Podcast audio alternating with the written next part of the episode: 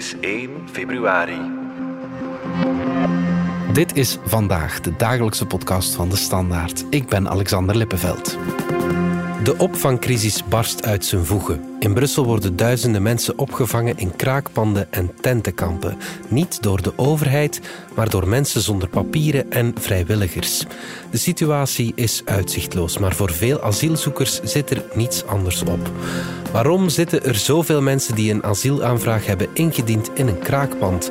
En waarom kan ons land zo moeilijk instaan voor de opvang van asielzoekers?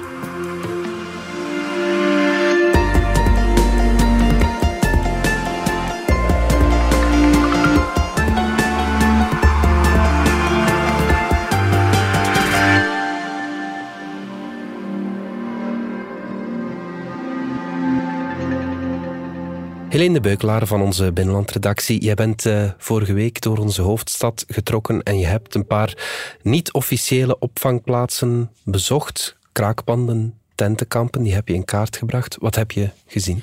Ja, wat je eigenlijk ziet is dat in onze hoofdstad is er een soort alternatief opvangnetwerk ontstaan. Mm Bijna een rechtstreeks gevolg van de opvangcrisis die ondertussen al meer dan een jaar aansleept. Mhm.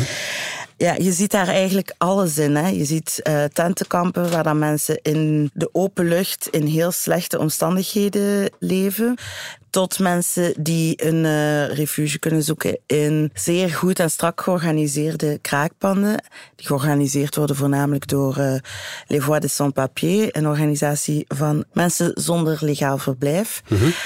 En alles daartussen. Dus er is een enorme rijkheid, zou je kunnen zeggen. Ja, veelheid. En veelheid en verschillende accommodaties. We zijn naar acht plaatsen geweest. Mm -hmm. Er zijn er ongetwijfeld veel meer. Ja, ja. Uh, maar dat is wat we op één week hebben kunnen doen. Ja, Je zegt een alternatief opvangcircuit. Dan veronderstel ik dat het officiële circuit niet voldoet. Ja, en dat is al een tijdje aan de gang. Hè. Mm um, in België lopen we ondertussen aan aan meer dan 7000 veroordelingen mm -hmm. uh, van mensen die asiel hebben aangevraagd en dus bij wet recht hebben op bed, bad en brood. Ja. En al meer dan een jaar slaagt onze overheid daar niet in om die mensen een plaats te geven. Daarbij komt natuurlijk ook dat het aantal asielaanvragen het afgelopen jaar enorm is gestegen. Maar dat nog altijd. Het is belangrijk om te weten dat die opvangcrisis toch al, al veel langer aan de gang was okay. dan die stijging in het aantal Sinds wanneer moeten we daarmee kampen? Uh, laten we zeggen, een jaar en een aantal maanden terug begon het eerste nieuws binnen te druppelen dat mensen die asiel wouden aanvragen bij Klein Kasteeltje oftewel niet binnen konden om een asielaanvraag in te dienen, uh -huh. oftewel uh, wel een asielaanvraag konden indienen, maar geen verblijfplaats kregen. Dat waren toen voornamelijk jonge alleenstaande mannen. Uh, en die situatie is steeds extremer en extremer geworden, tot op het punt dat het einde van de zomer, september, oktober, begin november, dat we echt een extreme explosie zagen, waar dat minderjarigen zelfs geen plaats meer kregen. Zwangere vrouwen, gezinnen met kinderen, gedwongen waren om hun toevlucht te vinden op de Brusselse straten. Ja. En uh, zo zijn een aantal van die tentenkampen bijvoorbeeld ontstaan. Laat ons even inzoomen op die uh, opvangplaatsen. De bekendste is de Paleizenstraat, meer dan waarschijnlijk door de brand van een paar weken uh, geleden. Je bent daar geweest. Hoe is de situatie daar nu? Zeer slecht. Uh, heel kort gezegd.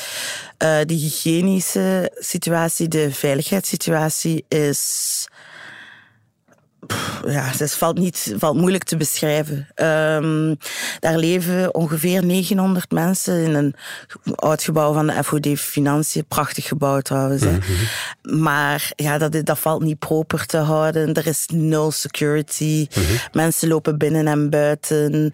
In het pand hebben mensen zich een beetje georganiseerd naar nationaliteit. Dus je hebt zo het collectief van de Burundezen, het collectief van de Afghanen, eh, de Eritreërs, et cetera. Mensen ja, verstaan elkaar ook niet. Ja. Uh, je hebt ook mensen die net hier zijn toegekomen na een heel traumatische vlucht um, en een traumatische weg naar België. Mm -hmm. Dus ja, het is eigenlijk een mirakel dat er niet al ernstigere dingen zijn gebeurd. En we hebben al veel verhalen gehoord van geweld, van slechte omstandigheden. Dus ja, uiteindelijk misschien nog respect voor die mensen dat ze erin slagen om daar uh, ja. in stand te houden. Zijn die 900 mensen die daar verblijven, zijn dat allemaal asielzoekers? Weten we dat? Er is een officiële telling geweest mhm. nadat er waar polemiek was ontstaan in de politiek over hoeveel mensen, asielzoekers dat daar effectief verbleven. Mhm. Van de plus-minus 900 mensen die daar verblijven, telt 800 mensen ongeveer als uh, asielzoeker. We luisteren even naar wat de bevoegde staatssecretaris Nicole de Moor hierover zei in de Kamer. Al die personen zullen vervolgens gradueel worden opgenomen in het opvangnetwerk van FedAsiel. Gradueel, beste collega's, omdat we ook elke dag families met minderjarige kinderen en alleenstaande minderjarigen moeten kunnen blijven opvangen. En de instroom vandaag, dat kan niemand ontkennen, de instroom vandaag is nog altijd hoger dan normaal. Dus ja, we moeten voldoende plaatsen voorbehouden, ook in de noodopvang die werd gecreëerd voor die families met minderjarigen. En we kunnen niet in één keer alle asielzoekers uit de Paleizenstraat overbrengen, maar we schalen het tempo daarop om dat zo snel als mogelijk te doen. Ze hebben officieel recht op uh, opvang, Helene, dat zegt de staatssecretaris. En we werken eraan, zegt ze. Maar er zijn ook andere mensen daar, hè? Ja, als er geen beveiliging is, gaan er altijd mensen binnen en buiten kunnen lopen mhm. die in een andere situatie zich bevinden. En natuurlijk, omwille van de grote hoeveelheid mensen dat daar zitten, is het een beetje een aantrekkingspool ook geworden voor mensen die nergens anders naartoe kunnen. Mhm. Maar het valt niet meer te betwijfelen dat uh, bijna iedereen die daar verblijft recht heeft op opvang. Kan je iets zeggen over het profiel van die mensen? Zijn dat vooral mannen? Het profiel van de mensen in de Paleizenstraat is moeilijk in te schatten. Mhm. Behalve nationaliteit, Burundisch, Afghaans, Eritrees, etc zijn het vooral mannen Mhm. Eh, die daar verblijven. Natuurlijk zijn zij de eerste die geslachtofferd zijn geweest bij de opvangcrisis. Uh, we gaan vrouwen en kinderen altijd sneller een plek aanbieden. Maar ook in dat hele officieuze netwerk van mensen worden er ook veel sneller plaatsen aangeboden voor veiligere kraakpanden voor vrouwen en mensen met kinderen. Dat spreekt voor zich, hè. Mhm. Ehm, dus ja, dat zijn vooral jonge mannen die daar zitten veilige kraakpanden, zeg je. Ik vind dat een heel contradictorische uh, stelling, maar die zijn er ook. Hè? Ja, uh, dat is eigenlijk iets heel speciaals, vind ik, in Brussel. Dat is eigenlijk begonnen zo in 2015. Er zijn een aantal organisaties van sans-papiers, mm mensen zonder papieren, begonnen met het bezetten van leegstaande gebouwen. Ze noemen het geen kraakpanden. Er wordt ook herhaaldelijk gevraagd, noem het geen kraakpanden. Het zijn politieke bezettingen. Die zichzelf ook heel visueel zichtbaar maken, die acties organiseren, samenkomsten enzovoort. En die opkomen voor niet alleen de rechten voor mensen zonder papieren, maar ook alle rechten rond huisvesting, bijvoorbeeld. Mhm. En wat we gezien hebben is, tijdens de coronacrisis in 2021 is er een soort collectief, niemand weet hoe wie dat daarachter ontstaan. Dat noemde solidaire opvorderingen. Mhm. En die zijn in een aantal panden uh, binnengegaan en hebben dat opgevorderd. Dat was omdat door de coronacrisis natuurlijk heel wat mensen die in heel precaire huisvesting zaten, zichzelf op straat vonden. Mhm. Het idee daarachter was, we moeten die mensen huisvesten. Mhm.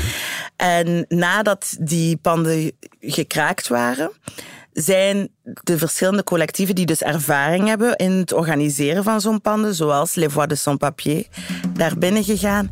En die hebben daar een heel strakke organisatie uh, in gezet. Totaal niet te vergelijken met het paleis. Maar ze hebben ervaring ja, okay. om daar een zo veilig mogelijk uh, situatie te creëren.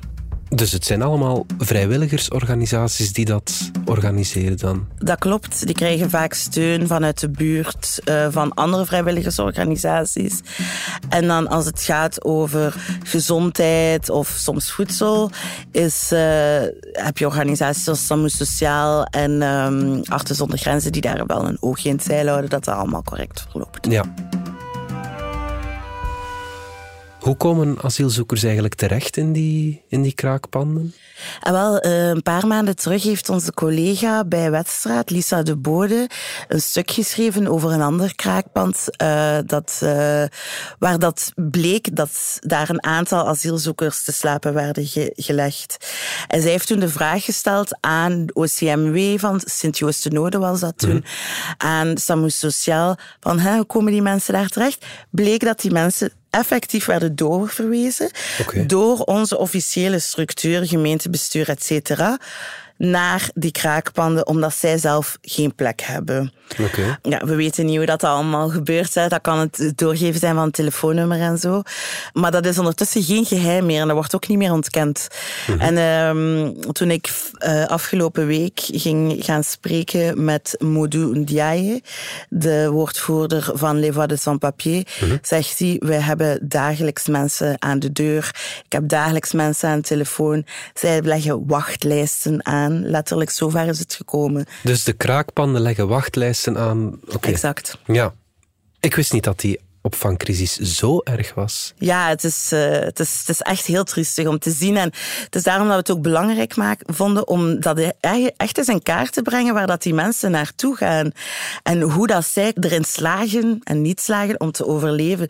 Want ja, je kan wel zeggen, die mensen komen terecht in kraakpanden waar dat goed georganiseerd is. Maar één, dat legt een enorme druk op een groep al zeer, zeer kwetsbare mensen. Mm Want dat zijn geen mensen met geld, dat zijn geen mensen met politieke organisaties met subsidies of eender wat achterin, die dat moeten organiseren. En twee, ja, je hebt ook nog altijd heel veel mensen die in tentenkampen terechtkomen of in een vreselijke situatie zoals in het paleis. Mhm. Je legt trauma op trauma, je legt ongezonde situatie op iemand die al reeds fysiek afgetakeld is. En de gevolgen daarvan, dat gaan we zien over een aantal jaren. Mhm. Wat voor psychologische en fysieke gevolgen dat dat gaat hebben voor deze mensen die perfect een uh, goed uh, functionerend deel kunnen zijn van de Belgische samenleving. Ja, absoluut. De bekende chirurg Reginald Moreels die schreef een open brief naar de staatssecretaris Nicole de Moor ik lees even een uh, korte passage voor. Ik heb wereldwijd in mijn leven vluchtelingenkampen bezocht en als oorlogschirurg heb ik enorm veel leed behandeld.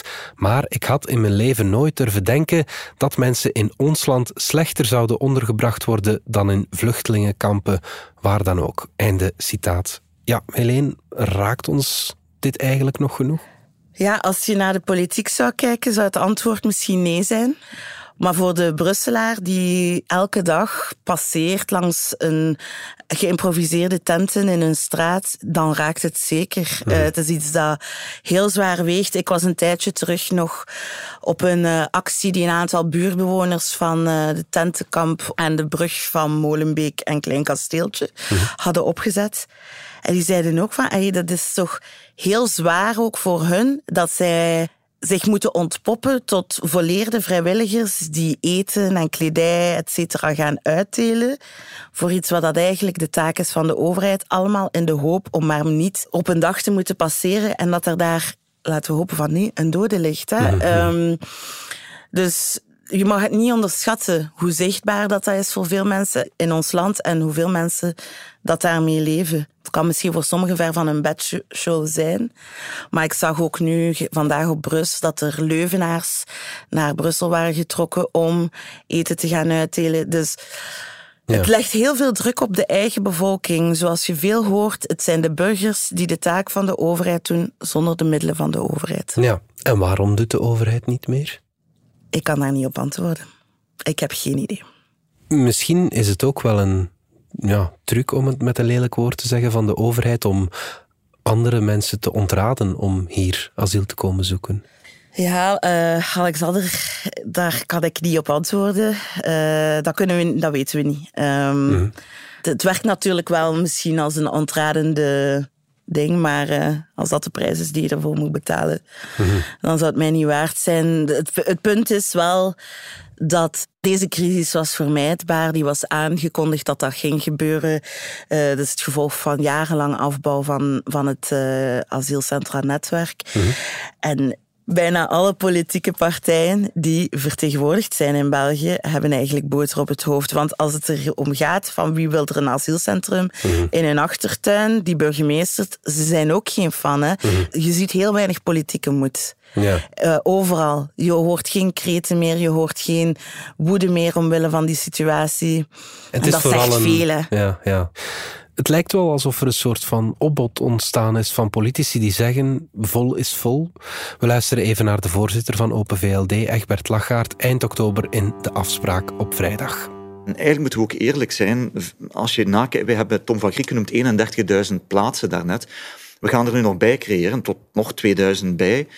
Maar eigenlijk, als je het in Europees verband bekijkt, nemen wij al heel veel verantwoordelijkheid Eigenlijk zitten wij wel een beetje op een punt, vol is vol.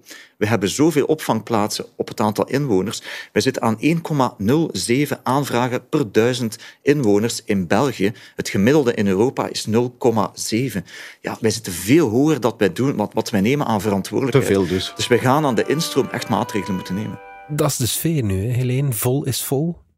Ja, maar NC doet dat er zelfs niet toe. Hè? Mhm. Want als je zegt vol is vol, en mensen komen binnen en vragen asiel aan, uw eigen wetgeving van uw eigen land zegt dat jij een opvang moet aanbieden. Mhm. Onze eigen wetgeving zegt dat als mensen asiel aanvragen, is dat we die aanvraag onafhankelijk gaan beoordelen. Onafhankelijk van hoeveel mensen dat er naast die persoon asiel hebben aangevraagd. Mhm. Het doet er niet toe. Als je zegt vol is vol en je wilt die mensen hier niet, Sorry, maar dan moet je je eigen wetgeving gaan veranderen. Mhm. En dan kun je even goed de conventie van Genève naast je neerleggen. Ja, ja, ja. dat, is, dat is het pad waar je naartoe dat je bewandelt dan. We halen er ook even uh, Lisa de Bode bij van onze politieke redactie. Lisa, jij volgt de politieke kant van het asieldossier natuurlijk. Uiteindelijk is het toch de politiek die een oplossing voor deze mensen moet vinden. Hoe reageert staatssecretaris Nicole de Moor op uh, de opvangcrisis?